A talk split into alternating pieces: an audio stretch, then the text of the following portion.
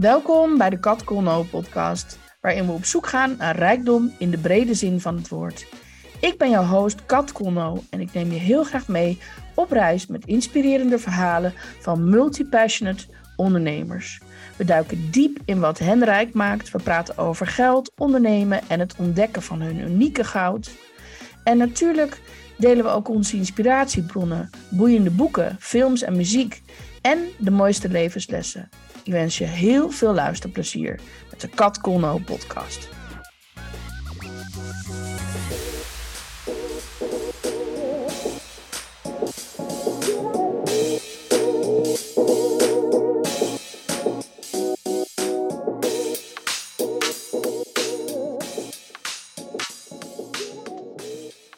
Hey allemaal, welkom bij een nieuwe aflevering van de Kat podcast. En ik heb vandaag een hele, hele bijzondere en leuke gast, namelijk Alexander. Hey Alexander, welkom bij de Kat Colno podcast. Welkom. Ja, jij ook, Kat. Leuk. Ja, super dat je er bent. Alexander, ehm, ik ken jou niet. Via eh, jouw uh, vriendin um, ben jij eh, bij mij terechtgekomen. Die heeft met mij samen een podcast opgenomen. En toen zij zei, oh, volgens mij vind jij dat ook wel leuk. En zo maken wij nu eigenlijk in deze podcast kennis met elkaar. Ik vind het superleuk. Um, zou jij iets over jezelf kunnen vertellen? Even je hele naam en um, waar, jij, waar jij mee bezig bent in het leven. Ja, nou, mijn naam is uh, Anu Alexander Kruidbos, maar ik word eigenlijk altijd Alexander genoemd. Die eerste naam is mijn hippie-naam. Die komt van mijn ouders. Oké. Okay. Maar um, ja, ik ben uh, uh, bio. Ik zit in de bio-energetische mondzorg. En daar heb ik een eigen bedrijf in, in Haarlem. En uh, wat ik doe is, ik hou me bezig eigenlijk met het gebied. En dan het gebied in relatie tot je algehele gezondheid. Okay. Dat is eigenlijk waar, ja, waar ik in gespecialiseerd ben. Wil je trouwens dat ik jou Anu noem? Want dat is natuurlijk ook helemaal prima. Maar ik, nee, ja. noem mij maar Alexander, want iedereen kent mij als Alexander. Oké, okay, oké, okay, cool. um, Bio-energetische mondzorg. Um, ja, dan, ik moet zeggen dat ik dan niet meteen denk van... Uh, uh, nou weet ik precies waar jij het over hebt. Nee, kan je daar iets meer over vertellen? Ja, ik kan daar nog wel wat meer over vertellen. Nou kijk, in de Chinese genees, in de, in de traditionele Chinese medische of tra traditional Chinese medicine eigenlijk moet je zeggen, um, is het heel bekend dat elk gebiedselement, dus elke kies, elke tand, heeft via de meridianen verbinding met jouw organen, weefsels of hormoonsystemen. Dus uh, mensen die um, zeg maar heel veel problemen hebben met het gebied, dat kan heel mechanisch zijn. Dat kan zijn omdat je veel snoept of omdat je uh, gewoon genetisch in aanleg een slecht gebied hebt. Maar het kan ook zijn dat er verstoringen zijn op die meridianen daaronder. En dat kan tweeledig zijn, het kan vice versa zijn. Het kan dus zijn dat het van, van binnenuit komt, dat er ergens dus iets niet goed is. Mensen die bijvoorbeeld chronische ziektes hebben, die mm-hmm. kunnen dan klachten krijgen daarvan in het gebied. En we zien ook vanuit diezelfde uh, traditional Chinese medicine, die verbindingen, dat uh, klachten in het gebied ook een uitwerking kunnen hebben in het fysiek. Ah. En dat is, ja, dat is heel interessant, want er zijn bijvoorbeeld, en dan heb je het vooral over mensen die dus uh, al heel lang klachten hebben, heel erg op zoek zijn geweest waar die klachten nou vandaan zijn gekomen, uh, al bij specialisten zijn geweest, artsen, huis, uh, ziekenhuizen, noem maar op. En vervolgens komt er maar geen oplossing voor hun probleem. Mm-hmm. Nou, wil niet zeggen dat het altijd zo is, maar het kan dan heel goed zijn dat het uit het gebied komt. En daar is best wel veel over bekend. Het is niet zo dat dat uh, iets is wat in een heel klein hoekje zit ergens uh, van de geneeskunde. Ik bedoel, ook gewone tandartsen en ook in ziekenhuizen weten ze dat, hoe belangrijk het gebied is voor je gezondheid. Dat is ook de reden waarom je bij transplantaties, hè, orgaantransplantaties, maar ook als je kanker hebt, dan wordt het gebied vaak ook heel grondig meegenomen. Maar in plaats van daarop te wachten, is het gewoon belangrijk dat je eigenlijk al dat weet voordat je zover bent. En uh, dat dat dus een mogelijkheid is voor jouw fysieke problematiek. En uh, ja, daar hou ik me mee bezig. Dus daar heb ik een hele opleiding voor gehad. En um, ik meet door met een EAV-meter. Daar heb ik ook een hele opleiding in gehad. EAV is elektroacupunctuur volgens Vol. En Vol was een man die uh, vanuit de traditionele Chinese uh, geneeskunde heeft hij, um, heeft hij een hele atlas ontwikkeld. En ook verschillende methodieken om te zoeken en te kunnen meten op die meridianen. Hoe mhm. dat dan precies zit. En dat kun je doen door de onderliggende meridianen te, door te meten. Dus de onderliggende meridianen vanuit het lichaam naar het gebit. Maar je kunt ook de elementen in het gebit zelf doormeten. Dat gebeurt niet in de mond, maar op het gezicht. Daar zitten die punten. En uh, ja, die, die atlassen en al dat soort dingen, ja, dat, dat moet je je dan allemaal eigen maken. En dat is eigenlijk volledige uh, traditional Chinese acupuncture. Want uh, dat leren wij eigenlijk ook allemaal om te kunnen weten hoe dat zit. Ja, en dat is nogal een studie inderdaad. Ja, ik, uh, ik ben wel heel erg bekend met, uh, met acupunctuur. Dat, uh, dat, daar ga ik, ik heb een acupuncturist, daar ga ik al denk ik wel tien jaar of zo naartoe. best wel vaak ook, gewoon als een soort van onderhoudsding. Zo van, omdat ik daar heel erg in geloof. Van, gewoon als ik voel dat het even niet meer lekker stroomt, nou, dan ga ik eventjes daarheen. En dan ik vind het altijd wel goed werken. Maar ja. um, dat bio-energetische apparaat, zeg maar, want dat is een soort, dan moet ik me denken aan een soort van uh, elektrodes of iets dergelijks waar, waarmee je dat dan kan meten? Nou, het is eigenlijk een, een, een ja, dan, dan moet je eigenlijk wat meer uitleggen over wat er gebeurt. Want mm-hmm. heel veel mensen die hebben hier natuurlijk nooit van gehoord. En die denken dan ook dat het, uh, ja, weet je, wat zal het zijn? Maar eigenlijk is deze meting, en dat kunnen we nu wel zeggen, en dat konden we vroeger niet zeggen. Vroeger was het allemaal een toverstokje en dachten mensen, wat is dit? Ja. Um, in de ontwikkeling van de, van de onderzoeken naar biofotonen, en dat is een wetenschappelijk onderzoek inmiddels. Dat wordt aan de Universiteit van Utrecht gedaan, maar ook een heleboel andere universiteiten. En ook het wordt in de wereldwijd, Japan, in Amerika zijn ze daarmee bezig. En dat is eigenlijk de bewustwording van het feit en ook het wetenschappelijk bewijs dat de cellen in het lichaam een overdracht hebben naar elkaar van uh, lichtenergie. Dat wordt mm. Dus er is een soort energie in ons die op een bepaalde manier functioneert, van cel naar cel.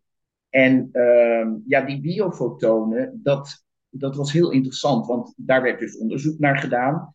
En op een gegeven moment zei men, hey, dat is interessant, want als wij een camera kunnen ontwikkelen waar we die mee kunnen fotograferen, dan hmm. kunnen we ook zien waar er pathologisch weefsel is. Want als er pathologisch weefsel is, dan heb je dus niet die biofotonen overdracht. Ah. En ja, het is heel interessant. Dus toen werd daar heel veel geld in gestoken. Want dat is natuurlijk zo, als het uh, ten dienste kan komen voor een handig apparaat binnen de geneeskunde, en uh, toen hebben ze in Silicon Valley hebben ze dat apparaat ontwikkeld. En uiteindelijk is die camera er gekomen. Toen konden ze ook die foto's maken van die biofotonen. En toen viel meteen op in de foto's dat er accumulatiepunten zijn van die biofotonenenergie in de vingertoppen. Precies op de meridianen van de Chinezen. Ah. Bij de tenen en daardoor, uh, dat was natuurlijk even een, een, een, toch een beetje een ekel moeilijk moment. Want ja, waar moet je dan naartoe als wetenschap als het toch blijkt dat die hele chi-energie, waar de Chinezen het over hebben, uh, misschien ook wel gewoon echt bestaat. En geen sprookje is. En uh, natuurlijk moet daar nog veel meer naar onderzocht worden en zijn ze daar hard mee bezig. Uh, maar dat is eigenlijk waar het op gebaseerd is. En eigenlijk wisten de Chinezen, hoe weet ik ook niet, maar al 6 tot 8000 jaar geleden ja. dat het bestaat. En dat je daar dus ook invloed mee kunt uitoefenen als je die meridianen behandelt hè, met acupunctuurnaalden. En dan inderdaad een verbetering kan krijgen of een herstel. En um, ja, dus, die, die, um, dus dat is heel interessant om te zien. En dat, dat was eigenlijk bij vol, zijn dat ook de meetpunten. Dus wij meten op, op zeg maar, wij meten op die uiteinden van die uh, vingertoppen en ook van de. En in de, het gezicht zitten ook punten die heel belangrijk zijn. En wat je dan ziet, is dat, um, ja, is dat wat Vol dan daaraan toegevoegd heeft eigenlijk, hè, voordat deze, dit wetenschappelijk onderzoek er was natuurlijk. Maar wat je ziet is dat ehm, hij heeft dat eigenlijk verbonden met die meridianen. Dus hij, hij wist van die accumulatiepunten en dat is nu verbonden met de meridianen. Nou, dat is het enige wat nog niet wetenschappelijk is bewezen daaraan, dat die punten ook een verbinding hebben daadwerkelijk. Maar als je ziet hoe groot de acupunctuur is geworden in Nederland, en ook hoeveel mensen er baat bij hebben, ja, dan is het evidence-based. Kan je eigenlijk al niet meer zeggen dat dat niet bestaat, niet werkt. En ehm, ik zie het ook trouwens in het reguliere circuit, dat heel vaak als ze er niet uitkomen, dat er dan wordt gezegd, nou probeer eens een acupuncturist. Hè? Zoals uh, trigeminus, aangezichtspijn. Daar kunnen artsen vaak heel weinig mee. Uh, en dan zeggen ze toch, heb je dat wel eens geprobeerd? Omdat mensen dan toch op een of andere manier daar wel een herstel zien. Ja, ja nou ja, inderdaad. En het, en het enige eigenlijk wat nog daar in de weg staat, is dat mensen soms een beetje bang zijn voor naalden, bijvoorbeeld. en dat ze de... Sorry, ik heb het niet gehoord. Dat mensen een beetje bang zijn voor naalden. Dat, dat, oh, dat, ze niet naar een acupuncturist gaan, weet je wel? En dan denk ik van, ja, weet je, zoals jij dan dat onderzoek doet met die... Uh, uh, met, met het apparaat waar jij mee werkt, denk ik van, hé, hey, maar dat is wel interessant, want daar kan je natuurlijk gewoon superveel mee, ja, toch uh, zien wat er, wat, er, wat er anders niet gezien wordt. En ehm, ik geloof wel, tenminste, ja, in mijn bubbel zijn mensen ontzettend veel met energie bezig en met dat ze ook snappen van, hé, hey, ja, het is misschien niet zichtbaar, maar het is zeker wel voelbaar. Ehm, en dat je ook gewoon voelt van, ja, weet je, het stroomt wel of het stroomt niet. Uh, weet je wel, al die dingen. Dus ehm, hoe interessant dat dat op meerdere vlakken nu en ook in de reguliere geneeskunde toch een heel klein beetje serieus gaat genomen worden nu. Ja, je kan natuurlijk niet je emoties, je mentaal, hoe je je voelt, hoe je reageert op de prikkels van buiten. Dat kan je natuurlijk helemaal niet ignoren. en dat is ook iets wat, wat je steeds meer ziet, dat mensen, ook in het reguliere circuit, weet je, als je heel veel stress hebt en heel veel spanning, kan je een hartinfarct krijgen. Dus dan heb je al een directe verbinding tussen fysiek en energie. De stof de stof, de uitingsvorm van de stof, volgen de lijnen van de energie. En daarom is het ook altijd heel belangrijk in elk consult ook terug te herleiden. Hè, waar zitten er nog spanningen, emotioneel, mentaal, waar zit dat vast? Meestal zie ik op een of andere manier, ik weet ook niet waarom, maar heel snel uh, krijg ik daar beelden over. En dan ga ik daar ook op een bepaalde manier met de cliënt in. Maar wel, zeg maar, invoelend van in hoeverre eh, wil je daar naar kijken of wil je daarin mee? En dan, uh, maar het is heel interessant om te zien dat dat dan toch heel vaak wel gebeurt en dat het opent. En als het opent, dan zie je ook dat de informatie makkelijker begint te stromen over wat nou echt de problematiek is. Ik wilde ook nog even aangeven dat ik in mijn praktijk niet met per se met naalden werk. Ik ben, heel veel met laser, low-red laser, omdat dat uh, is non-invasive. Dus dat is, eh, dat is een verbrander of wat dan ook, dat is heel licht. Maar daarmee kun je ook die medianen aanzetten. En de meetpunten gaan ook niet met naalden. Maar dat is gewoon een apparaatje wat eigenlijk meet uh, hoeveel, uh, hoe die energie, is, die, is er te veel energie daar of is er te weinig? Dus dat geeft het apparaatje eigenlijk aan. Dus die geeft altijd de, de, de balans of de disbalans aan. En dan kun je gaan zien hoe ga je dat herstellen. Soms met ortomoleculair, soms met de aanvulling van vitamines of voeding. Hè, vergeet voeding, heel belangrijk. Of uh, inderdaad trauma ontstoren. Maar tegelijkertijd het mechanische stuk van het gebit, hè, dus het, de daadwerkelijke caries of uh, het implantaat wat er moet komen, of een wortelkanaalbehandeling die er al heel lang zit en eigenlijk heel erg stoort of oud is dan uh, ja, dat, dat, dat doet dan de tandarts of de implantoloog. Dus die gaan met mijn verslag door naar een geschikte behandelaar voor hun. Ja, ja, dus jij bent niet een tandarts, maar jij doet eigenlijk dat voortraject van het duiden van wat zou er aan de hand kunnen zijn. En dan vervolgens um, kun jij eventueel doorsturen naar ja, wie dan eventueel de vervolgbehandeling kan. Als het dus een, zeg maar, tand uh, kwestie is. Ja, het is altijd de relatie, dat is mijn specialisme, de relatie van het gebied met de rest van het lijf. En, mm en uh, ik krijg ook veel uh, doorverwezen cliënten van behandelaren die op die manier werken. En de biologische tandheelkunde is in Nederland heel groot aan het groeien. Het is echt een loading market. Echt. Ik denk dat als je niet anticipeert als standaards op, deze, uh, op dit gebeuren, dan zit je over 25 jaar zonder een praktijk. Ja, oké. dat is ja. wat ik denk. Wat ik voel. Ja.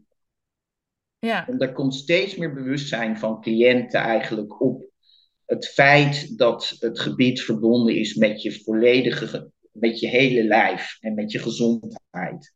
En uh, dat het dus heel belangrijk is om daar in ieder geval iets van te weten of iets rekening mee te houden uh, tijdens de consulten. Ja. Ja, maar ook inderdaad wat je zegt van de, de bredere blik op de dingen. Inderdaad, niet alleen van dat het, dat het onderdeel van je lichaam is en dat dat met elkaar te maken, maar ook energie. Ook inderdaad voeding, um, hoe je verder, nou ja, inderdaad met je leven, eigenlijk lifestyle in het brede zin. Ja, als je ziet, Alles als je ziet ja. naar de cliëntenkring die ik heb, ik bedoel, die is groot en uh, die groeit. En als mensen het via via van elkaar horen, dan gaat het heel snel. En er is eigenlijk een, ja, dat, wat ik voel is, soms denk ik wel eens, Um, het is belangrijk voor een bepaalde gevestigde orde om goed feeling te houden met de markt. Want die markt van mensen die is, die is ontzettend veranderd over de laatste 25 jaar. En heel veel van die mensen hebben geleerd om vriendelijk te blijven knikken tegen het reguliere gebeuren. En ja hoor, en dit. Maar ondertussen hebben ze, ondertussen hebben ze een hele andere mindset gekregen. En daar moet je wel goed feeling mee houden, want anders, uh, ja, dan outgrowt dat jou. En uh, ja. ja. ik zie het gewoon bij de mensen. Die, als je dan eenmaal erin gaat met die mensen, ja, dan openen ze ook en dan zeggen ze: Ja, nee, maar daar hou ik me helemaal niet meer mee bezig. Ik ben helemaal met mijn voeding bezig. Ik, ben, uh, ik ga naar yoga. of je bent vegan of vegetariër of niet. Het maakt ook niet uit. Je hebt van allerlei soorten dingen die voor mensen werken. En uh, ja, je ziet eigenlijk dat er een enorm verandering, er zijn enorme veranderingen in dat bewustzijn. Op jezelf, op je psyche, op je, op je, op je emoties. En mensen zijn daarmee aan het werk. Die zijn daarmee aan de slag. En ze houden zich vaak naar de buitenwereld op een bepaalde manier. Dat is wat je nu nog ziet. Maar dat gaat ook nog veranderen er komt straks momentum dat die mensen dat helemaal niet meer vrienden knikken. Zeggen ze, ja, maar het werkt gewoon niet voor mij. Sorry. Ja. Nee, ga gewoon even lekker ergens anders shoppen. Ga het anders ja. doen. Ja, en dat is, ja. kijk, dat is, en dat is ook mooi om te zien. Want zo ontstaan ook grote transformaties die dus niet geleid worden door één persoon. Of een leider of iemand die dat zo wil hebben. Nee, het gebeurt intrinsiek vanuit de mensen zelf. En dan krijg je zo'n grote groep. Dan moet je als buitenstaander wel anticiperen, anders ben je daar niet meer bij. Nee. Hoe ben jij ertoe gekomen om dit te gaan doen? Oh ja, dat is leuk om te vertellen.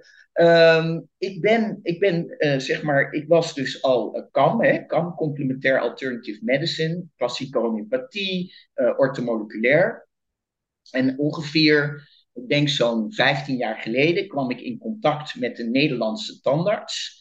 En uh, die wilde heel graag uh, verder in de praktijk met uh, bio-integrale tandheelkunde. Daarvoor moest eigenlijk ge ge geïmplementeerd worden een stuk KAM.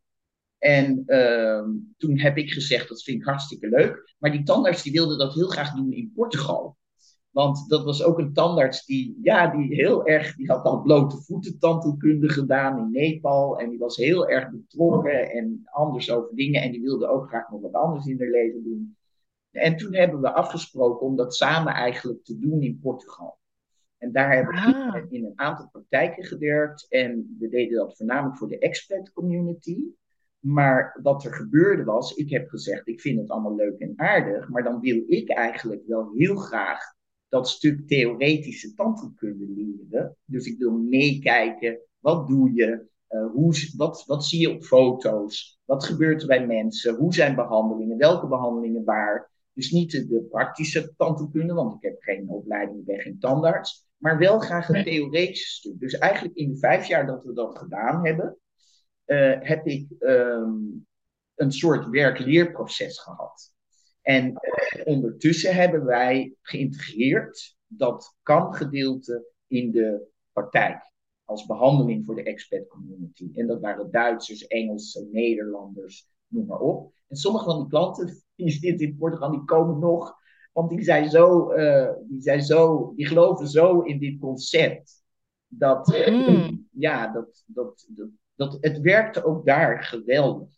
Wat je zegt. Wat leuk, hè? Ja.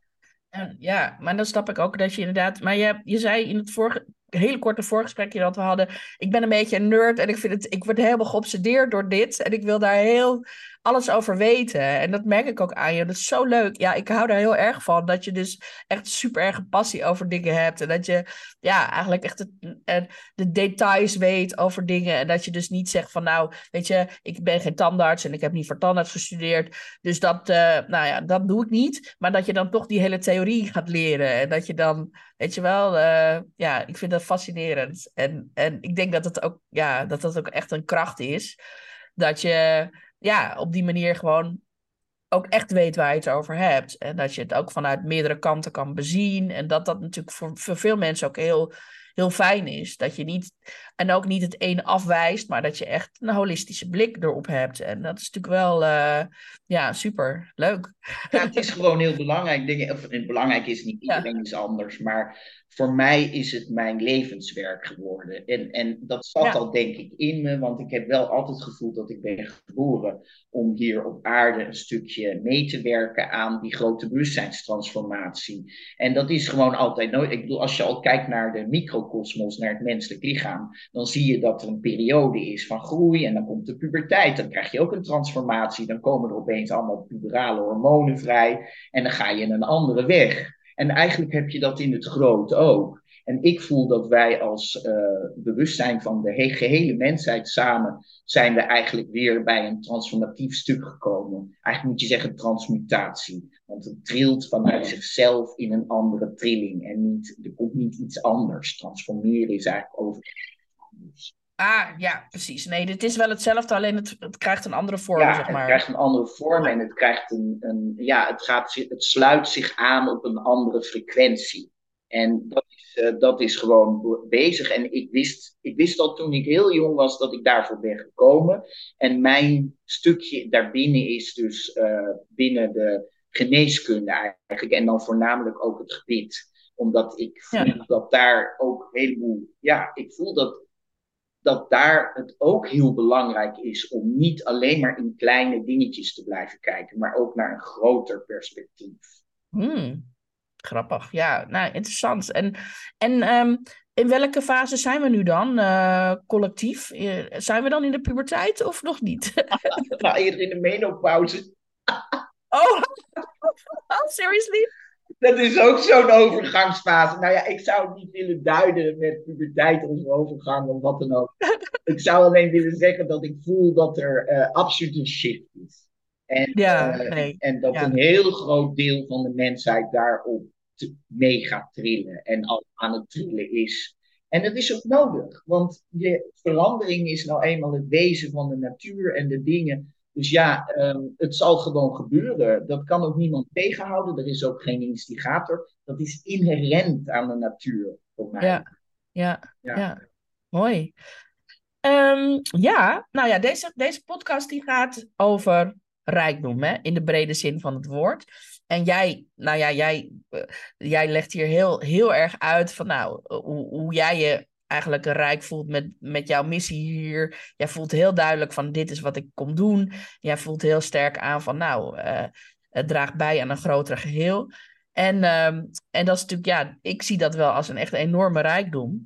Um, maar rijkdom gaat natuurlijk ook over hele basale dingen als geld. En uh, dat is mijn brugje naar de vraag. Um, waar kom jij vandaan? Wat heb jij van huis uit meegekregen over geld? Ja. Nou, het is apart, want um, uh, van ver weg, zeg maar, van origine is het heel raar. Um, ik weet van mijn grootouders dat um, mijn, mijn grootvader, die was heel rijk. Dus die waren multimiljonairs en die hadden weet ik wat, zat in de suiker en weet ik wat ze allemaal deden. maar uiteindelijk is dat allemaal verloren gegaan in de oorlog. En uh, is allemaal oh. kwijtgeraakt en uiteindelijk heel armoedig teruggekomen. Nou had mijn, de familie waar mijn vader uitkwam, die hadden wel heel veel. Ehm, mijn, mijn moeder is trouwens overleden toen ik negen jaar oud was. Dus uh, dit, het gaat eerder oh. over mijn oh. vaders familie, want ik heb verder niet zoveel contact. Ja. Maar um, ja, dat, um, hij, hij kwam naar Nederland uh, en hij, hij, ja, hij, er was niks meer. Dus hij was volledig afhankelijk van zijn familie om toch nog een studie te kunnen gaan doen of hier iets, ja, ergens terecht te komen. En die hebben hem ook geholpen. Dus uiteindelijk is hij ingenieur geworden. En uh, hij heeft zijn hele leven, hij leeft ook al niet meer inmiddels, maar hij heeft zijn hele leven gewoon heel hard gewerkt.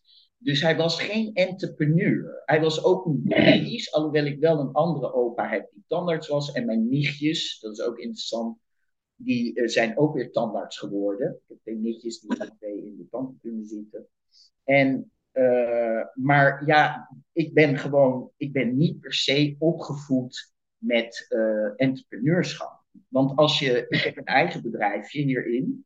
En um, ja, dan moet je ook entrepreneur zijn. Je, je moet weten hoe dingen werken. Nou, dat is voor mij eigenlijk niet echt de, niet heel relevant in die zin dat ik daar heel veel mee bezig ben. Ik heb wel altijd begrepen, maar dat is iets heel persoonlijks, is dat als je heel erg veel liefde hebt voor iets wat je echt wilt doen en je wil daar echt iets aan bijdragen, dan gaan die geldstromen eigenlijk vanzelf. En misschien verrijk je je er niet gigantisch mee, maar dat is ook niet mijn motivatie. Mijn motivatie is dat andere. En als dat andere er dan uit voortkomt, omdat het gewoon gebeurt, dan zou ik zeggen: fijn. Maar wat ik daar dan vervolgens mee ga doen, nou, dat zal ik je zeggen. Ik zou dan nog eerder een stuk land kopen in Portugal en daar een eco-village op beginnen. Dan dat ik dan denk, oh, ik ga dat daarin beleggen. Of uh, ik ga er weet ik wat bitcoins van kopen en zo. Ja, dat is helemaal niet mijn ding. Nee, ik ben, ik ben ook wat dat betreft, zijn, zeggen mensen tegen mij, ja, maar ben je daar nou wel verstandig bezig? Want ik zal eerder heel veel herinvesteren in dingen die ik nodig heb om dit te kunnen doen. Dus boeken, uh, uh, zeg maar, uh, nou, ik noem maar op, dingen aanschaffen die misschien best wel duur zijn, omdat ze mij hier ondersteunen in dit. Bijvoorbeeld, ik maak uitgebreide verslagen voor mensen hè, na het consult en dat kan ook naar een behandelaar. En in het begin ging ik dat allemaal typen. Nou, je ziet mij al zitten, ik ben helemaal geen typer. Dus ja, ik, eh, ik dacht op een gegeven moment, dit wordt toch niks. Ik ben nog weer twee dagen bezig voor die paar uh, verslagen. En toen heb ik bijvoorbeeld een heel goed programma aangekocht. Een spreekprogramma, typprogramma. Dat was een uur. Een soort AI, dus dat leert zich. Maar dat, dat, ja, dat helpt mij om verder te komen en ook om dit uit te dragen. En nu kan ik die verslagen vrij snel, want ik kan ze gewoon inspreken en dan worden ze gewoon helemaal uitgetypt. En dat kost nog wel tijd hoor, want je moet het allemaal organiseren in je hoofd. Maar het, ik kan daardoor wel een stuk kwaliteit blijven leveren naar die klant. Ja. Ja. ja, en je hoeft je niet te laten weerhouden door het hele administratieve geneuzel. Wat, wat veel mensen inderdaad heel lastig vinden. Dat is eigenlijk de meest gehoorde ding wat ik hoor van, oh ja, dan moet ik ook nog die verslagen Ja, dat is werk hoor. Maar, uh, Naast alle andere dingen die je nog moet doen. aan je eigen secretaresse zijn, telefoontje nemen. Ik vind namelijk ook altijd dat iedereen die belt, die krijgt van mij aandacht. En soms dan, heel soms dan denk ik echt wel, nou, uh, ik zet even op mijn telefoon, bel morgen maar zo. En dan red ik het gewoon niet meer. Maar, maar ik vind het ook leuk. Dus dat is het vervelende. Als ik dan iemand aan de telefoon krijg en die gaat iets vertellen over zijn gebied, dan denk ik, oh ja, dan krijg je allemaal ideeën. Dus ja, als je het zelf ook leuk vindt, dan wordt het gewoon een, een levensvervulling. ja, ja, ik geloof daar heel erg in. En ook inderdaad dat het dan wel naar je toe komt. En het, ja, weet je, kijk, als je niet ambieert om dat, om dat in geld naar je toe te laten komen op die manier, dan, weet je, dan komt het op andere manieren. Of dan, wat je zei, van, nou, dat zelfs mensen uit Portugal nog speciaal naar Nederland komen, omdat ze door jou behandeld willen worden. Ja, ik weet niet, maar dat lijkt me wel een heel goed teken. En ja, dan zou je daar misschien het vierdubbele voor kunnen vragen of zo, weet ik veel wat. Maar als dat niet je doel is, dan weet je waarom zou je dat dan doen? Ja, dat is, nee, ik, ik vind zelf dat je, je, je hebt op een gegeven moment toch gewoon genoeg. En uh, wat moet je dan nog allemaal met meer en meer en meer? Ik weet niet, het is gewoon niet zo mijn drive. En ook, daar ben ik ook niet mee bezig. Ik, ik zal je zeggen, het gaat mij heel goed. En dat komt vooral omdat er heel veel enthousiasme is om naar mij toe te komen. En ik doe daar leuke dingen mee. Ik geniet van het leven. Ik neem ook tijd om, zeg maar, leuke dingen te doen. Maar um, ja, ik zit niet hier thuis te denken, oh, hoe ga ik dat doen? Omdat allemaal nog, uh, nou, nee, daar heb ik helemaal geen zin in je nog uh, allemaal social media posts gaat maken, marketing. Uh, nou, ik doe wel social media posts. Ik doe bijvoorbeeld heel veel op LinkedIn. En uh, daar zet ik dan ook, daar publiceer ik dan ook vaak op wat ik gedaan heb. En, wat, en daar krijg ik dan allemaal toestemming van, van de cliënt. Want we werken heel erg met de AVG. Mensen krijgen ook papieren die ze tekenen van medische overdrachtgegevens. Het wordt allemaal, ik heb dat allemaal, want ik heb wel op een gegeven moment voor dit vak ook een jurist in de arm genomen en gezegd: hoe kan ik dit nu zo goed mogelijk juridisch regelen? Alles onderbouwd en onderlegd. Want anders, ja, dat moet je niet doen. Je kan niet zomaar over dit publiceren als je niet uh, van die cliënt hebt begrepen dat het kan en mag. Maar het leuke is ook weer dat cliënten zijn zo enthousiast. En die voelen ook hoe belangrijk het is dat die informatie naar buiten komt. Dus die geven eigenlijk in 99% van de gevallen. Dus dan is het. Ja, ja, super hey, en, uh, maar ja, je hebt net al een beetje aangegeven waar jij eigenlijk je prioriteit aangeeft als het gaat om geld uitgeven. Dat je zegt van nou, ik dingen die mijn, mijn vak ondersteunen, waar ik blij van word. Uh, een goed programma waarmee ik lekker bepaalde klusjes niet meer hoef te doen. Stel nou dat jij nog uh, één tientje zou hebben. Ik geloof niet dat het je voorkomt, maar stel nou dat. Waar, zou je dat dan, wat zou je dan doen? Ja, ja, ik weet het niet. Ik kan me wel herinneren dat er wel periodes in mijn leven zijn geweest, en dat was studententijd, dat ik dat wel eens heb gehad. en, dat ik dan, en wat ik dan deed, dat is heel apart. Dan dacht ik, um, weet je wat? We gaan van alles proberen om dat tientje niet uit te geven. En dan heb je nog reserve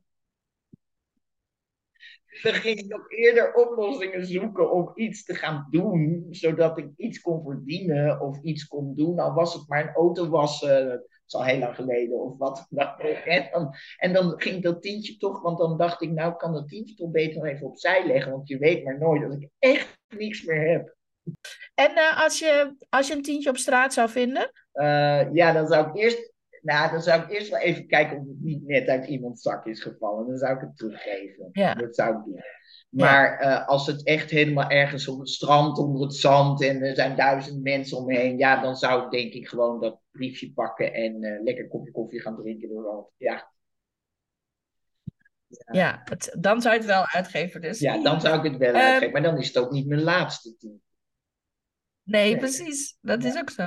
Als jij, jij gaf het net al een beetje aan, hè, van als geld geen rol zou spelen, of als je wel, als je gewoon, weet je, als het geld uit de kraan zou komen, gewoon permanent. En weet je, je dat, dat voel ik nu al wel van, nou, je hoeft je er niet super druk over te maken. Het is niet een zorgending voor jou, want het, het stroomt gewoon.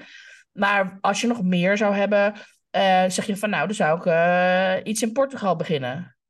Nee, het kwam net even bij me op, omdat ik daar natuurlijk heb gezeten. Ja. Heb je nog meer wensen op dat vlak? Dat je zoiets hebt van, nou, als geld echt geen rol speelt en ik mag gewoon... Nou, als, ik echt, als dat echt helemaal geen rol zou spelen, dan zou ik in Nederland een gigantische keten opzetten in heel Nederland van biologische tandartspraktijken. Ja.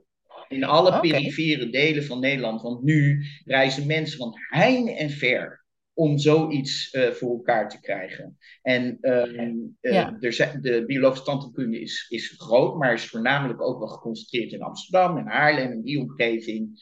En er zijn wel ja. een paar hele goede, goede praktijken op PV, maar te weinig. En mensen zeggen dan, ja, ik kom helemaal uit, ik kom uit Sertogenbos en ik vind het zo fijn, waar kan ik dan nu naartoe om die behandeling te doen? Ja, dan moet je wel daar en daar weer naartoe. En ja, dat zou ik heel graag willen. En ik zou ook een waanzinnig fantastisch concept neerzetten. Uh, waardoor mensen ook uh, echt uh, moeiteloos, maar ook aangenaam en prettig uh, een, een weg binnen, die bioloog, binnen de tandheelkunde en, en voor oplossingen van een gebit en van een lijf, de problematiek die daarmee te maken heeft, dat dat opgelost kan worden. Mm. Dat zal natuurlijk met bums gaan of niks gaat zo even. Maar dat is wel zoiets als jij die vraag stelt. Zou ik dan Ja, oh, mooi. Nou, uh, la, laat het goud maar stromen, mensen. Laat het maar. Uh, um, het is wel grappig, want ik vind, het, ik vind het. Want ik heb dus een klant die ook met tandheelkunde bezig is. En nu spreek ik jou. En mijn gebit, dat is echt altijd mijn grootste soort stressding geweest. Ik had ook altijd, als ik geld heb, dan ga ik alles recht laten zetten. Dan ga ik alles, want mijn gebit is helemaal scheef. en toen ik heel klein was, toen, ik heb heel snel, heel jong al, kreeg ik al tanden. Toen ging ik heel snel wisselen. En toen kreeg ik ook heel snel uh, dat het allemaal scheef was. En, uh, want er was gewoon niet genoeg plek. Dus toen moest die verstandskiezer moesten eruit gehaald worden. Dat was een heel toestand. En toen moest ik een beugel. Nou, dan hadden ze van tevoren al gezegd van, nou, je moet er minstens vier soorten. Je moet beginnen met plastic, zo'n plaat zo in je mond. En dan moest je dan ook mee eten en zo. Nou, ik had al helemaal zoiets van... Oh. En uh, dus uh, ik heb daar een traumaatje opgelopen. ja. Voor tandartsen in het algemeen. En, en met name mijn orthodontist, dat was echt een gemene meneer. Ik, heb, ik weet niet eens wat daar gebeurd is, maar ik weet alleen nog dat is een soort zwart bladzijde. Ik zei tegen mijn ouders na, na twee keer: ik ga daar niet meer naartoe. Whatever happens, maar ik kom daar niet meer. Ik vind daar verschrikkelijk. Ik vind dat de hel. Dus ik kom daar gewoon niet meer. En dat was het eind van mijn missie voor rechten. Als ik jou zo zie, dan ziet het, ziet het er goed uit. Ja, onder nog, ja. En ook vaak zie je, als, dan, uh, als er dan geen spalkje geplaatst wordt na de beugel, dan gaat het ook wel weer anders. Je hebt natuurlijk een bepaalde kaak van je, van je gebit. En ja. van je kaak en van je tanden die erin staan. Maar het problematiek met orthodontie is, dat is ook nog, dat je kan daar eigenlijk niet een algemeen um, protocolletje voor scheppen. Dus dat is ook heel individueel.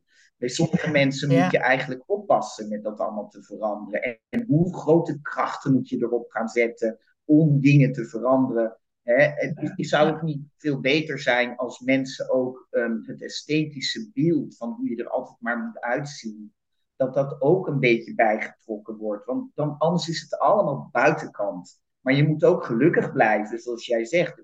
Ik heb in mijn praktijk heel veel mensen die trauma hebben opgelopen bij de tandarts van vroeger. Het zij bij de ja. schooltandarts. Het zij van injecties die ze gehad hebben. En uh, ja, ik denk, daar zijn trouwens wel ontwikkelingen binnen hoor, in Nederland. Ja, natuurlijk. Nee, allemaal absoluut. heel anders aanpakken. Maar um, ja, het blijft een aspect dat je wederom eigenlijk dat individuele contact moet houden. Want als je iemand in de stoel hebt die um, heel erg bang is voor bepaalde dingen, ja, dan moet je dat niet gaan forceren. Terwijl er een ander komt die zegt, nou hoor, gooi het er maar in, ik heb nergens last van. Dus dat is individueel. En dat geldt ook voor zo'n beugel. Van hoe ver moet je gaan? Moet je dat niet even bespreken ook? In plaats van het maar zo allemaal toepassen. Gelukkig zijn er tegenwoordig heel veel ouders van kinderen die orthodontie nodig hebben. En vindt dat die orthodontie ja. nodig hebben. En die komen ook heel vaak bij mij. En die vragen dan aan mij, Alexander, hoe zullen we dat gaan aanpakken? Want wat denk jij ervan? Ja. Hè, bijvoorbeeld een tand die niet indaalt. Hè, zullen we daar enorme kracht op gaan zetten om die tand naar beneden te trekken? Of zullen we wachten? Nou, dat is heel interessant, want dan kan ik bijvoorbeeld zien... hé, hey, die tand die zit in die regio van je gebit... en die heeft een relatie met iets in jouw fysiek. Nou, ik zal het voorbeeld even aanhalen. Ik ga geen namen noemen.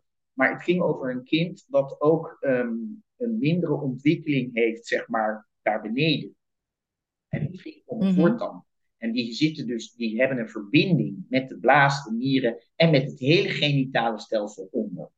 Dus als daar een langzame ontwikkeling is, en dat, ik zei dat tijdens het consult, toen zei hij, oh dat is apart dat je dat aanhaalt, want we zijn nog bij de arts geweest voor dat probleem. Oh. Dat kan ook gewoon, toch? Ik ben gewoon heel open in dat ja. soort dingen.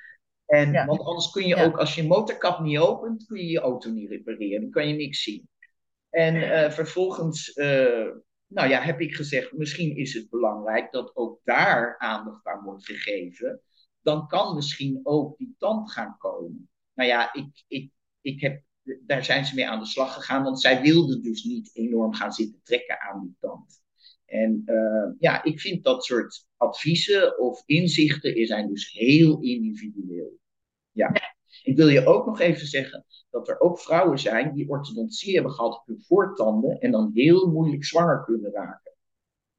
Zo'n invloed kan dat hebben. Wauw. Ja, nou, dus we, hebben, we weten nog, eigenlijk, ja, jij weet het wel. En gelukkig weten nou, we ik weet ook niet alles, maar, nee, maar hier elke dag. Ja, maar dat is ook tof. Daarom vind ik het ook leuk dat ik je spreek. Want dat zijn echt van die dingen die, ja, hoe, hoe kan je dat nou bedenken? Dat is helemaal, ja. Nu je het zo uitlegt, denk ik, nou, er is misschien wel logica in. Maar het is best wel um, sowieso interessant dat er een hele tendens is van, oh, je moet allemaal rechte tanden. Je moet dit en je moet dat. En dat er tegelijkertijd dus ja, heel duidelijke signalen dus blijkbaar zijn, waar we gewoon helemaal niks van af weten. En waar ze dus bij jou dus uh, wijzer kunnen worden. Dus dat is wel echt heel tof. Ja, ik heb, uh, um, nou ja, ik heb dat losgelaten hoor op zich. Maar ik heb dan nog steeds wel dat ik af en toe denk van, oh, dat is toch wel jammer. Maar ik was heel jong. En ik, uh, het was gewoon niet het goede, goede moment. We hebben het over 40 jaar geleden. En toen was sowieso die hele. Dat was allemaal heel anders hoe dat ging. Maar tegenwoordig heb je een betere, makkelijker oplossing. Die ook niet werkt met van dat soort hele grote krachten. Ja. En dat is een algemeen bekend. Ik ga dat nu niet noemen. Maar daar kan je gewoon met je tandarts contact over opnemen. En uh, dan kan je met hem bespreken of dat misschien een uh, manier is nog voor jou om er toch nog wat aan te doen. Ja. Tegelijkertijd denk ik ook, het maakt ook je karakter. Ik heb een, ik heb een vriend die is heel goed in photoshoppen. En die had toen mijn gebied zo, gebied zo helemaal recht gefotoshopt. Gewoon om eens te kijken hoe dat zou zijn. Maar we waren het er allemaal over eens van, oh, dan ben jij toch niet meer wie je bent. Dus... Nee, dat denk ik ook. Ik zie dat soms bij mensen die zo'n uh, zo'n spleetje tussen hun voortanden hebben. En die willen dan die twee tanden naar elkaar toe. Maar ik vind soms mensen hebben dat en dan zien ze er zo leuk uit. Het is zo eigen. Ja. Dat ja, ik vind ook, um, voel zelf even heel goed uh, of je wel op die manier hè, van alles aan je gebied wil doen. Ik heb ook mensen meegemaakt die daar van alles aan hebben laten doen in het buitenland en daar spijt van hebben. Dus ja, weet je, laat je niet te veel meeslepen door uh, de buitenkant en de esthetiek van de wereld, die, waar nog zo'n. Dat is de contrakracht van deze, van deze transmutatie of van deze shift. Ja, ja zeker. Ja. ja. Um, ik wil eventjes een bruggetje maken naar, uh, naar rijkdom. Wat, uh, wat maakt jou rijk? Uh, nou, dat is heel apart. Wat mij rijk maakt is wat ik ook terugkrijg van mijn cliënten. Ja. En het, dat is heel apart, want in, ik ben soms zo geroerd door, uh, en, en eigenlijk best wel heel vaak, omdat als ik in gesprek ben met mijn cliënt en uh, er komen dingen naar voren uh, uit hun jeugd of iets wat ze hebben meegemaakt. En dan denk ik, jeetje, wat ben jij een mooi en moedig mens dat je ten eerste daar met mij even een opening in wil maken. Maar ook dat je dat allemaal hebt meegemaakt. Terwijl de, de wereld weet dat helemaal niet, nauwelijks. Ik weet dat, dat er mensen zijn die bij mij dan iets naar buiten brengen. Wat ze, uh, ja, waar ze gewoon mee leven. En andere mensen dat allemaal helemaal niet weten. Mm -hmm. En uh, ja, daar ben ik soms heel diep door geroerd. En zo had ik laatst een mevrouw, een wat oudere mevrouw. En um, ja, die, we, gingen, we hadden het over een aantal dingen. En toen werd ze heel emotioneel. En toen vertelde ze ook, want ik zei, ik voelde dat er iets was, nog iets zat, een verdriet, laten we het zo zeggen. Want het ging over die meridianen en die kan ik dan verbinden met verdriet of boosheid of wat dan ook. En um, toen vertelde ze mij dus dat ze als kind, maar ze, ze vertelde dat, ja, dat was eigenlijk de manier waarop ze het vertelde, heel integer uh, heel erg dicht zichzelf dat ze als kind dus uh, verbrand is geweest. Ze, ze, heeft een koffie, een, er was stond koffie op het aanrecht. En zij ging dat inschenken of wat dan ook, maar ze was eigenlijk nog heel klein, ze kon er niet bij. En die hete koffie is over haar arm en over haar been uh, gegaan. En ja, kon, ze kon het ook, ze had het natuurlijk bedekt, maar je kon het dan zien. Maar um, ja, uiteindelijk heeft ze dan heel lang in het ziekenhuis gelegen als kind. Hè. Dat is natuurlijk ook allemaal heel traumatisch. Ja. En, uh, maar gewoon de, ja, hoe zij nu verder leeft, hè, wat ze als mens, hoe ze daar dan mee omgegaan is en hoe ze dan verder leeft. Ja, ik weet niet, dat ontroert mij gewoon. Dat ontroert mij. Dat mensen met zulke dingen leven en, en dat je ook niet moet onderschatten dat dat eigenlijk voor voor iedereen is er wel zoiets. Als je dat voelt en ziet, dan ga je ook heel anders met mensen om. Dan heb je niet zo snel een oordeel op een reactie of zo. Dan, dan voel ik gewoon veel eerder van, in plaats van daarop te reageren, waar komt het vandaan? Ja, ja, ja, bijzonder. En dat is iets wat mij rijk maakt. Ja, dat snap ik. Dat snap ik. Ja. Ik ken het ook, want ik heb dat ook met mijn klanten. Dat, je dan, dat ze dingen tegen je durven zeggen. Dat je denkt van, wauw, wat bijzonder dat ik dat mag horen. En dat, uh, je mij daarin vertrouwt. En uh, ja, ja, dat is echt heel speciaal. En, uh, en ehm, ja, ik, heb, ik vind dat altijd heel leuk om het over het goud te hebben. Het goud is voor mij eigenlijk alles wat, wat je mee hebt genomen in je leven aan kennis, ervaring, inzichten, je skills en zo. Wat denk jij dat jou, als je daar naar kijkt, hè, als, als dat het, het goud is, dat we dat nu zo even definiëren. Wat, wat, wat is dan jouw grootste goud? Uh, nou, ik denk wel um, wat, ik, wat ik heb geleerd, is uh, toch wel uh, heel diepe empathie. Ik, ik, ben, ik ben heel empathisch geworden. Ik heb, en, en, en een ander dingetje wat ik ook heb geleerd in mijn leven, en dat komt natuurlijk ook door mijn eigen jeugd, waar ik veel over uh, heb nagedacht en um, over nagevoeld, is dat um, uiteindelijk is er niks tegen jou mm -hmm. in het leven. Dat heb ik vroeger wel heel lang mee gestruggeld. En ik begrijp ook soms mensen nog in die fase zijn, of er gewoon in zijn. En dat snap ik ook heel goed. Maar uiteindelijk heb ik gezien dat dingen waarvan ik eerst dacht dat ze tegen me waren, hè, zoals bijvoorbeeld mijn moeder die overleed, en dat was, ah, als kind denk je dan, wat heb ik fout gedaan? Mijn moeder is weggegaan. Maar dat is natuurlijk helemaal niet zo, maar dat denk je op negenjarige leeftijd wel. En, maar uiteindelijk nu kan ik zien dat doordat dat is gebeurd, heb ik mij op een bepaalde manier ontwikkeld. En ik heb dus die moeder, die als een gegeven buiten je is eigenlijk, hè, voor heel veel mensen, die was niet als gegeven buiten me. Dus ik heb heel veel van, uh, van mijn eigen vrouwelijkheid, van mijn eigen uh, vrouw zijn ook moeten aanboren. Dus mijn emotionele kant, mijn, mijn um, gevoelskant, zeg maar. Ik heb, ik heb daar heel veel werk aan verricht. Om ook als mens, hè, want je bent uiteindelijk een mens, niet een man of een vrouw, je bent een mens. En uiteindelijk zijn we allemaal in balans met onze yin en yang. En ik voel gewoon dat ik daar, uh, dat, dat, dat, dat heeft mij gebracht. Ik kan me zo voorstellen dat in andere levens hiervoor dat veel meer uit balans is geweest. En dat ik eigenlijk door die mal ben gegaan van dit gebeuren, om daar nu weer balans in te brengen. Dus het is meer een soort alchemie dan een straf. En dat is wat ik ben gaan zien, dat dat niet bestaat. En als je zo lang nog zo denkt, wat ik zelf heel lang gedaan heb, dan kom je in slachtoffer en dader. En als je in slachtoffer en dader zit, dan kom je nooit tot een oplossing, want ze bestaan bij de gratie van elkaar. En dat, kwam, dat bewustzijn kwam op een gegeven moment zo sterk bij naar binnen dat ik wilde heel graag dat slachtofferschap vasthouden.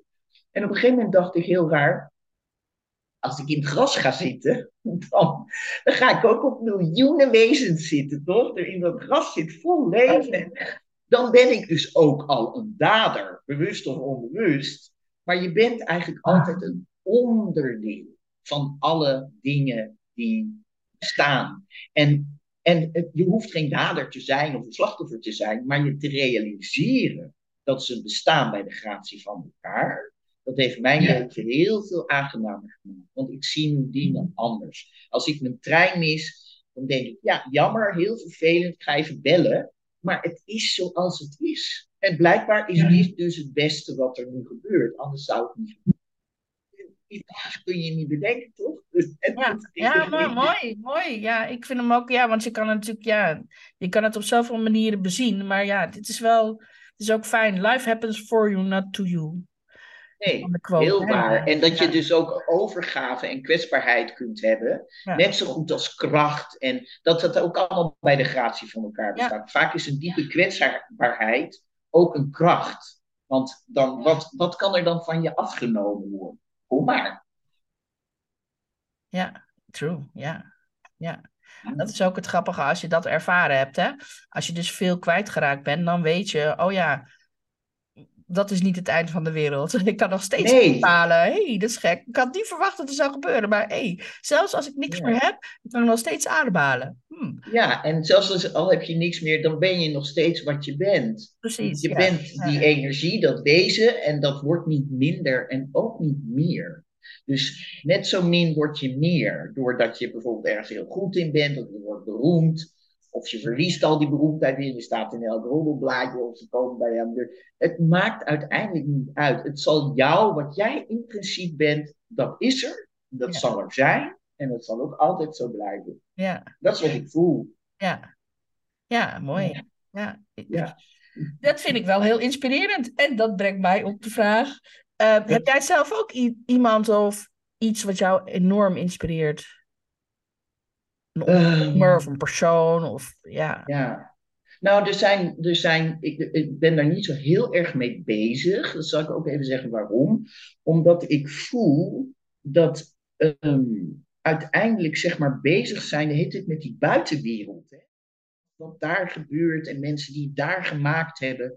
Ja, weet je, dat is allemaal zo relatief. Want wat weet je uiteindelijk van die persoon? En ehm, hoe weet je hoe die zich voelt of hoe zijn leven is? Ja, dat, dan, weet je, dan zit je eigenlijk net als een pubermeisje met een poster in je kamer. En dat is je idool. En dat is allemaal hartstikke leuk. En dat is ook een belangrijke fase. Maar het, het, het, het zal mij eigenlijk. Ik, tuurlijk, ik bijvoorbeeld, ik bewonder, dat is vast iedereen heel grappig, maar ik bewonder op een bepaalde manier best wel Jamie Oliver Mhm. omdat ik vind dat hij, ehm, en, en je kan van alles van hem vinden, maar ik kijk gewoon naar zijn energie. En dan voel ik altijd dat hij in ieder geval een persoon is die heel dicht bij zichzelf is gebleven. Hij Ja. heeft niet allerlei opsmoek en, en gebeuren. En hij heeft heel veel mensen geïnspireerd. Want uiteindelijk is voor mijn gevoel die hele, ehm, eh, eh, die hele movement van jonge mensen en ook oudere mensen, die zelf lekker zijn gaan koken en kruiden verzamelen in het wild en daar boekjes over uitgeven en workshops doen en dat hele bewustzijn op je eten bereiden en hoe je dat doet, dat komt bij hem vandaan. Ja. Dat is daar ontstaan. En dat heeft hij ook, daar zegt hij verder niks over. Het kan, zal een worst zijn, maar omdat hij net als een, mensen die ik heel fijn vind, die echt heel veel liefde hebben voor hun vak, dan gaat die Ja. liefde, die komt toch, die gaat groter stromen. Dat is zo. Dat werkt met het universum. Ja. En die missie natuurlijk die hij toen had, ook om die kinderen op die Engelse scholen eh, Dat hoort er allemaal bij. ook kantinevoeding eh, af te schaffen. En die kinderen leer, te, te laten zien, dit is een prei en dit is een wortel. Ja. maar niet vanuit van, geweldig. ik ga dit eens even allemaal veranderen, want de, de, de. Nee, vanuit Nee. hun eigen enthousiasme over van, hé, hey, kijk nou naar dit, dit is toch gaaf. Ja. Ja, het was dat. gewoon integer, integer en oprecht. En hij zag dat gewoon. Hij had daar zelf ook een ervaring mee gemaakt. En eh, daar was hij zo van voltrokken. En er zullen altijd mensen zeggen nu van ja, maar hij rijdt ook in een dikke auto nu. Maar ik voel bij Jamie niet per se dat het hem daar in het begin om is gegaan. Nee. Hij had een Nee. leuke, hij kreeg een leuke insteek. Maar ik voel gewoon dat hij, ehm, ja, dat, daar, dat, heb ik, dat, dat is mijn eigen mening. Weet je, ik laat me ook nooit leiden door meningen in de pers of van mensen. Ik kijk altijd even zelf. Wat voel ik zelf? En mocht ik Ja. bij iemand persoonlijk in mijn dichte omgeving eh, ergens aan twijfelen of iets willen weten, dan vraag ik het. Ik ga nooit een oordeel vormen over dingen. Maar bij hem voel ik dat gewoon. En ik voel, dat, ik voel ook dat het is toen hij jong was, is dat al opgepikt, omdat het daadwerkelijk iets kon bijdragen aan, een groot, aan die grote shift. En daar heeft hij gewoon een aandeel in gehad. En ik vind het gewoon heel, ja, ik vind het heel bijzonder. Ja. En in het algemeen denk ik mensen gewoon die, die voelen van, hey, die dat echt vanuit intrinsieke motivatie dingen neerzetten. En dan stiekem, ongewild, eigenlijk onbedacht, ehm, een revolutie veroorzaken. Dat is natuurlijk heel, ja. Ja. Dat is vaak ook hoe het gebeurt. En je kan het allemaal bedenken, maar stiekem kan je het eigenlijk allemaal niet bedenken. Nee, je kan het niet bedenken. Ja. Het gebeurt gewoon Ja. niet. Ja. hey, ehm, als ik nou aan jou vraag, ehm, als je mij echt zou kennen, dan zou je weten dat. Ah, nou, dat ik soms ook wel echt wel even lui ben. Oh, Dat is dat verboden mensen dan of zo? Nee, nee, maar ik denk dat heel veel mensen, omdat ik ben, ik ben heel erg betrokken en involved en alles, maar soms dan ben ik thuis en dan heb ik alles af. En dan denk ik even, nou, even helemaal niks. Ik heb er even geen zin. Ik ga even liggen en even gewoon lekker helemaal ontspannen. En dan heb ik ook, want ik ben een waterman met stierascendant, en dan heb ik soms wel eens moeite om ook weer op gang te komen. Oké. Die stier, die denkt, nou, ik lig hier wel even goed. Ja. En dat heb ik dus. Ik ben, ik ben eh, heel apart een soort trein. En dan kom ik weer tot stilstand. En dan ben ik weer, dan kom ik weer, ehm, ga ik weer heel snel. En dan opeens is het weer afgerend, heel apart. Ja. Dat, dat observeer ik van mezelf. En ik denk dat heel veel mensen dat niet weten. Want die zien vaak meestal alleen dat treinstuk. Mhm. Ja. En, ehm, en ehm, En ik vergeet ook wel heel vaak mijn paraplu in de trein.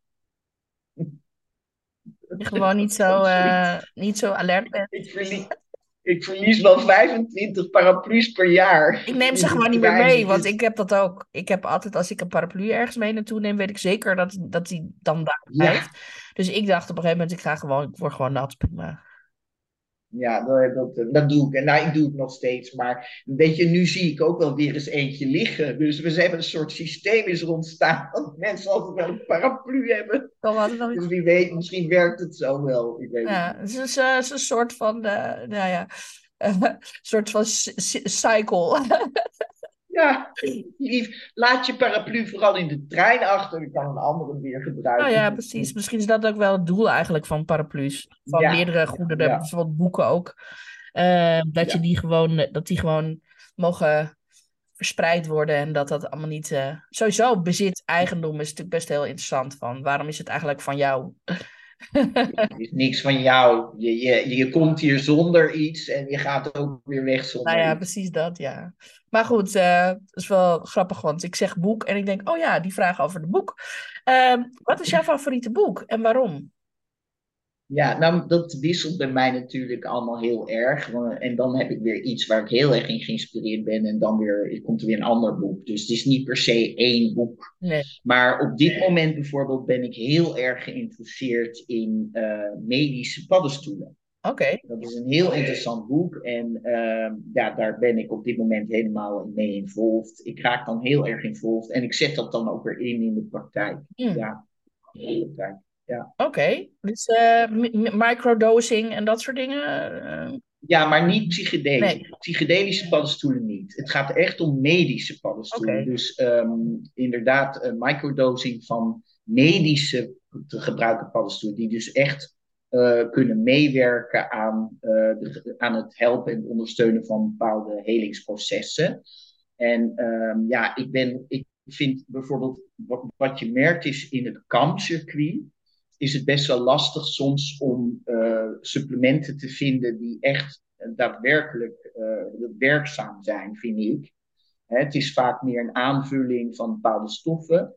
Uh, maar met de komst van de medische paddenstoelen, en zeg maar, dat was natuurlijk al heel oud, maar dat is eigenlijk nu wordt dat allemaal weer hernieuwd onderzocht en bekeken. En er worden ook een aantal medische paddenstoelen ook in de reguliere geneeskunde gebruikt. Ja. Alleen dan zijn ze even uit elkaar gehaald.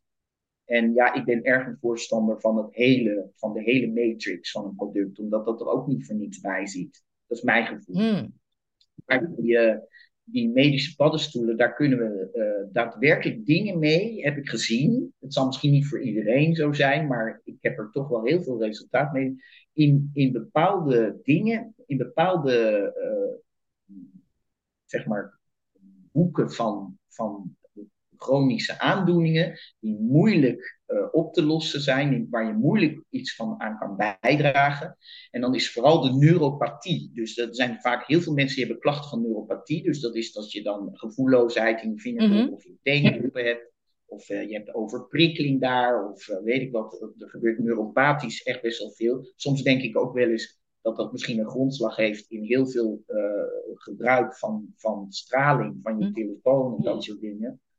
Uh, dat dat natuurlijk, dat helpt ook niet mee met die zenuwbaan. Nou, nee, dat denk, weet ik wel zeker van niet. Nee. nee, dat denk ik ook. Maar goed, daar zetten we het dus in en dan uh, zien we dat die, uh, en dat, het, het verbaast me ook niet. Want een paddenstoel heeft natuurlijk een mycelium. Dat is dus al een heel fijn netwerk van, ja, van verbinding. En dat is eigenlijk je zenuwnetwerk ook. Dus er is een soort similarity, zeg maar, daar, mm. waarom het daar werkt. En daar, en ook, ik heb het ook gezien bij um, irritated bowel syndrome. Dat is heel veel voorkomt oh, ja. mensen. En dat we dus ook met uh, bepaalde paddenstoelen die ook in hun bouw al heel erg veel overeenkomen met de fili. Weet je, de fili, dat zijn die kleine, um, die lumi, zeg maar, dat zijn die kleine uitstulpjes in je darm, mhm. waardoor, uh, waar heel vaak laaggradige ontstekingen zijn. En dan zie je dat die paddenstoelen ook in hun uiterlijk daar al op lijken. En dan daar ook inderdaad heel goed werk kunnen verrichten. En dat oh. mensen veel meer last krijgen van dat soort problematiek. Wat grappig. En dat, dat vind ik heel interessant. naast trouwens de Chinese geneeskruiden. Want daar zijn ook daadwerkelijk echt heel erg goede ondersteunende supplementen. Wauw, ja. ja. ik zit nou te denken medische paddenstoelen, want ik heb altijd wel van die voedingssupplementen. Daar zitten ook paddenstoelen bij, maar ik weet even die namen niet meer. Maar uh, ja, als, ik slik zelf, zelf altijd ashwagandha als, uh, als uh, supplement heb ik altijd het idee. Ja, als je wel is niet per se een paddenstoel. Nee, dat weet ik. Maar dat is dan zo'n soort oh. iets waarvan ik dan denk van, oh, dat is weerstandverhogend. En wat ik bijvoorbeeld eet is uh, walnoten. Want dat zijn de vorm van een hersen. En dat is dan goed voor je hersens. Dus wat je net zegt over die paddenstoelen en die dingen. Dan denk ik van, oh ja. En uh, bijvoorbeeld uh, broccoli en en uh, bloemkool, dat, dat heeft ook de vorm van de hersens. Dus dat is dan goed voor de hersens. Dat heb ik ergens gelezen. Ik weet niet of het waar is, maar ik geloof dat dan. Want dan denk ik, oh, dat vind ik eigenlijk wel logisch. nou ja, wat je kan doen is, eh, kijk, als je, als je zeg maar meer alchemistisch uh, kijkt naar dingen, dan uh, dus wat ik in het begin van het interview ook al zei, de stof volgt uh, de, de energie. Mhm. En dus als je bepaalde energieën hebt die, um, ja, die te maken hebben met de opbouw van een uiteindelijk een stoffelijke vorm, dan kan je dus ook bedenken dat andere uh, producten, in, in, binnen de voeding of bladeren of bloemen of planten, die dus ook een soort van gelijke vorm uh, ontwikkelen, dat, dat daar zit een bepaalde overeenkomst. Die, die putten uit dezelfde bron van energie ergens. Ja, Dus dat die elkaar zullen ondersteunen of aanvullen, ja, dat sluit ik zeker niet uit. Ik vind het wel een grappige, grappige theorie. Uh, ja. Ik heb nog twee vragen voor je.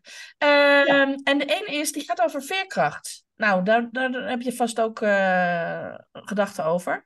Want ik ben, doe een onderzoek naar veerkracht. Wat is nou eigenlijk veerkracht? Uh, kan je het leren?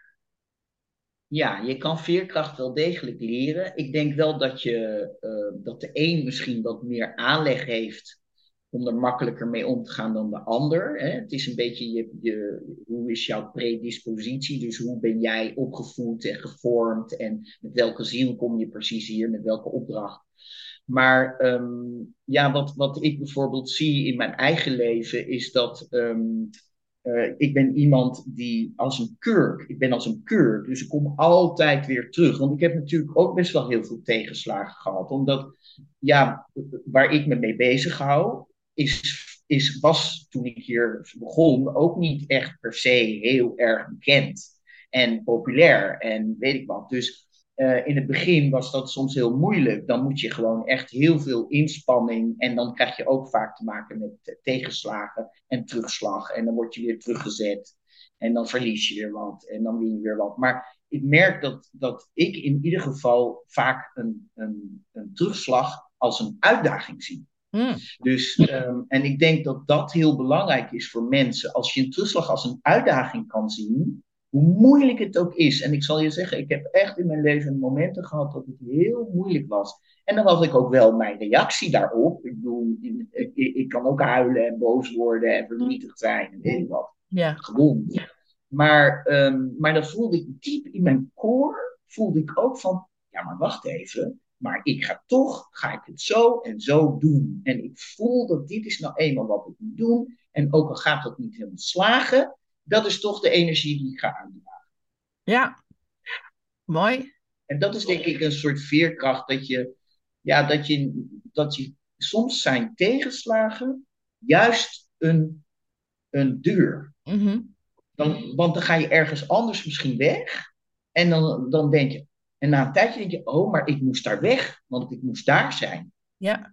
En dat is moeilijk in te schatten in het moment zelf, want Ja. het is altijd afscheid nemen is altijd even lastig. Maar toch dat inzicht, dat overzicht krijgen, hè, dat je ook vanuit dat perspectief in ieder geval je even toelaat om te durven. Dat kan dan weer een opening zijn en dat kan je inderdaad die veerkracht geven die je dan nodig hebt. Ja. Ja. Ja, nou, helemaal mee eens. Zonder wrijving en glans, hè? Dat is eigenlijk... Ja, eh, precies. dat is eigenlijk... En ehm, over levensinzicht gesproken, wat zie jij als jouw allergrootste levensinzicht? Waarvan je zegt van, nou, dat heeft bij mij dat wel veroorzaakt. grootste levensinzicht. Ja, het grootste levensinzicht bij mij is wel. ehm, het grootste levensinzicht bij mij is wel die. eh, dat er geen. Voor mij, voor mij in ieder geval, dat is mijn persoonlijke mening. Dat, eh, dat alles zoals het gaat in het leven toch een zin en een doel heeft. Ja. En dat, eh, ja, daar verantwoordelijkheid in durven te nemen voor mij in ieder geval gewerkt heeft. Ja. En, en ook resonantie. Daar wil ik nog heel even over hebben. Ja, resonantie. Omdat resonantie is eigenlijk. ehm, hè, wij geloven, wij, wij zijn heel erg gaan geloven dat je allerlei dingen nodig hebt uit de buitenwereld. Hè, waardoor je dus, eh, precies wat we aan het begin van het interview ook zeiden, kan verrijken of je ziet er beter uit of je hebt een, eh, weet ik wat, eh, je gaat meer carrière maken. Maar uiteindelijk, uiteindelijk, als je echt goed gaat kijken, dan is dat helemaal niet wat werkt. Wat werkt is resonantie. En dat betekent dus van hoe tril jij hè, in de relatie met een ander mens? Of als je in het bos loopt, of als je ergens naartoe gaat. Het is allemaal een uitwisseling van energie uiteindelijk. Dat loopt af onder die buitenkant. En dan kun je wel net gaan doen alsof die buitenkant heel het belangrijkste is. Maar ondertussen loopt dat af. En dat bepaalt ook heel vaak je weg, je leven en de uitkomst van dingen. Mhm. En ik wil er daar nog heel even aan toevoegen dat ik in 2016 heb ik voor uh, de wortelkanaalbehandeling, omdat dat binnen de biologische tandheelkunde een heel hekel punt is. Hè? Een wortelkanaalbehandeling haal je de zenuw uit de kies. En dan heb je eigenlijk een avitaal element.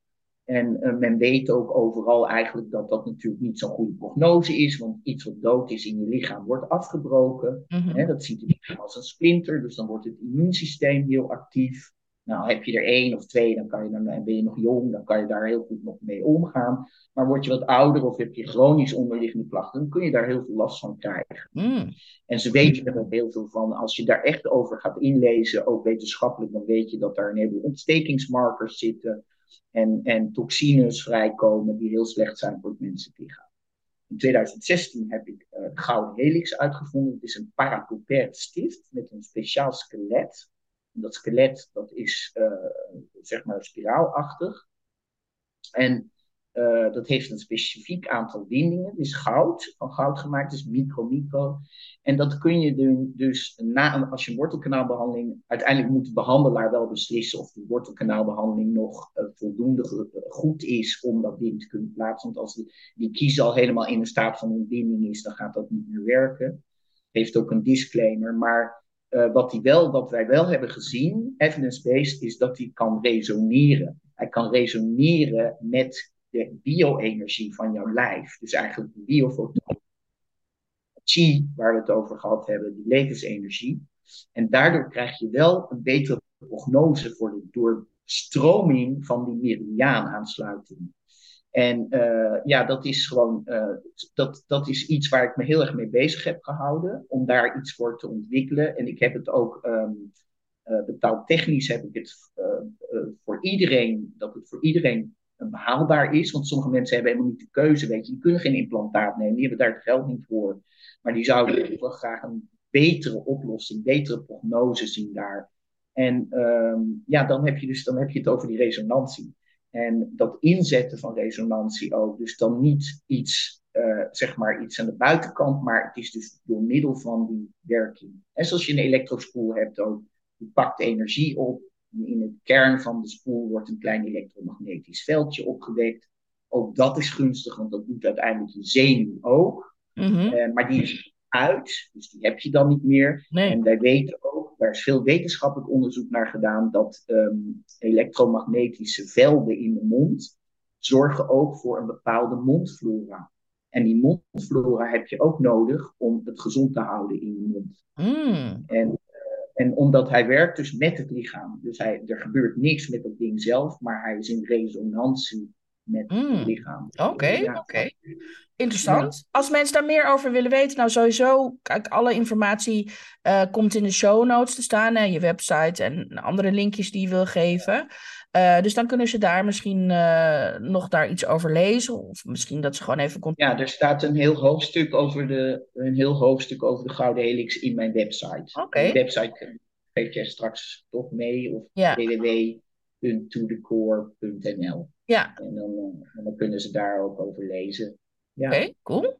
Hey, maar eh, heb jij nog een, ehm, nou los van deze tip, zo van nou stel dat je Mhm. dus eh, een wortelkanaalbehandeling moet gaan krijgen, of dat er in ieder geval, ja, dat daar een risico op is, dat ze eventueel met jou contact op kunnen nemen om te kijken van, hey, is dit een alternatief voor mij? Ja.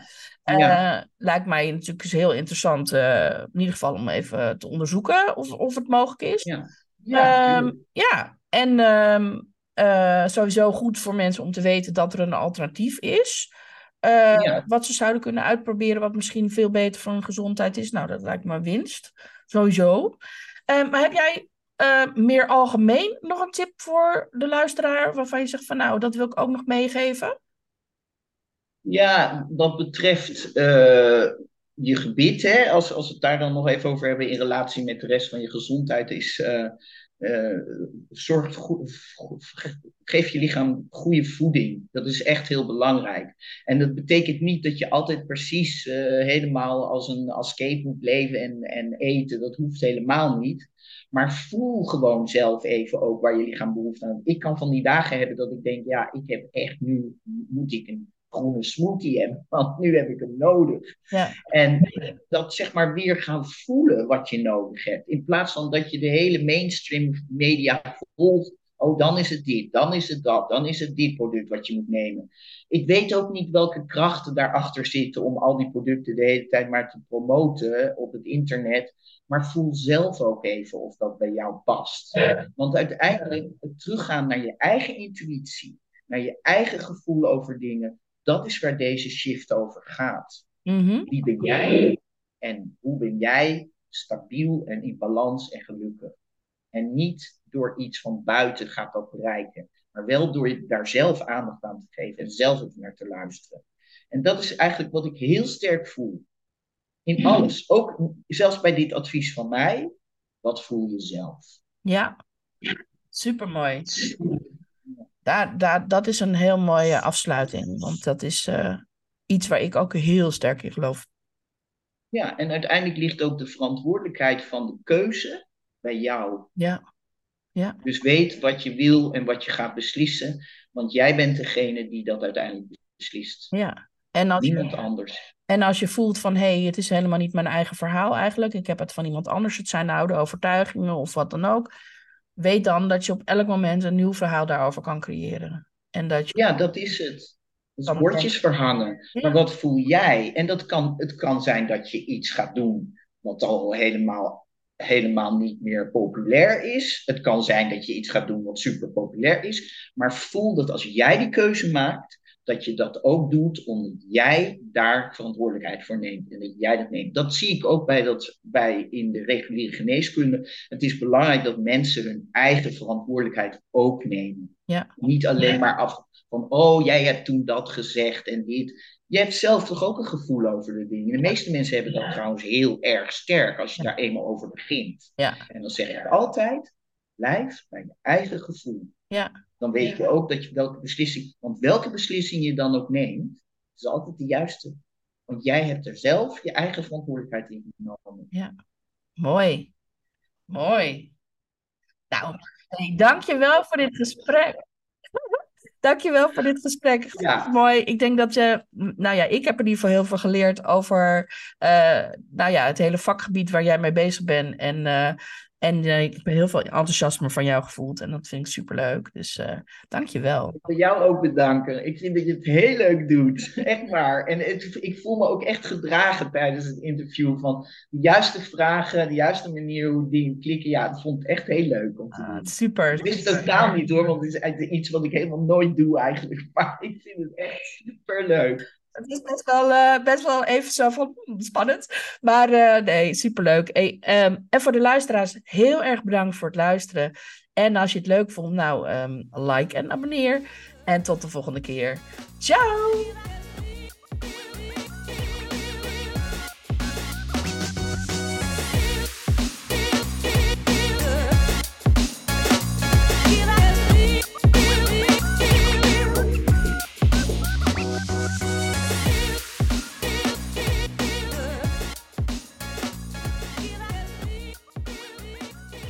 Dankjewel dat je luisterde naar de Kat Colno podcast.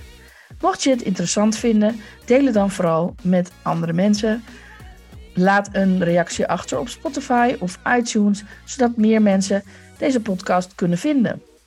Ik zou je super dankbaar zijn. En uh, mocht je zelf de gast willen zijn, laat het me dan vooral ook even weten. kat.katkolno.com Dankjewel en tot de volgende keer. Ciao!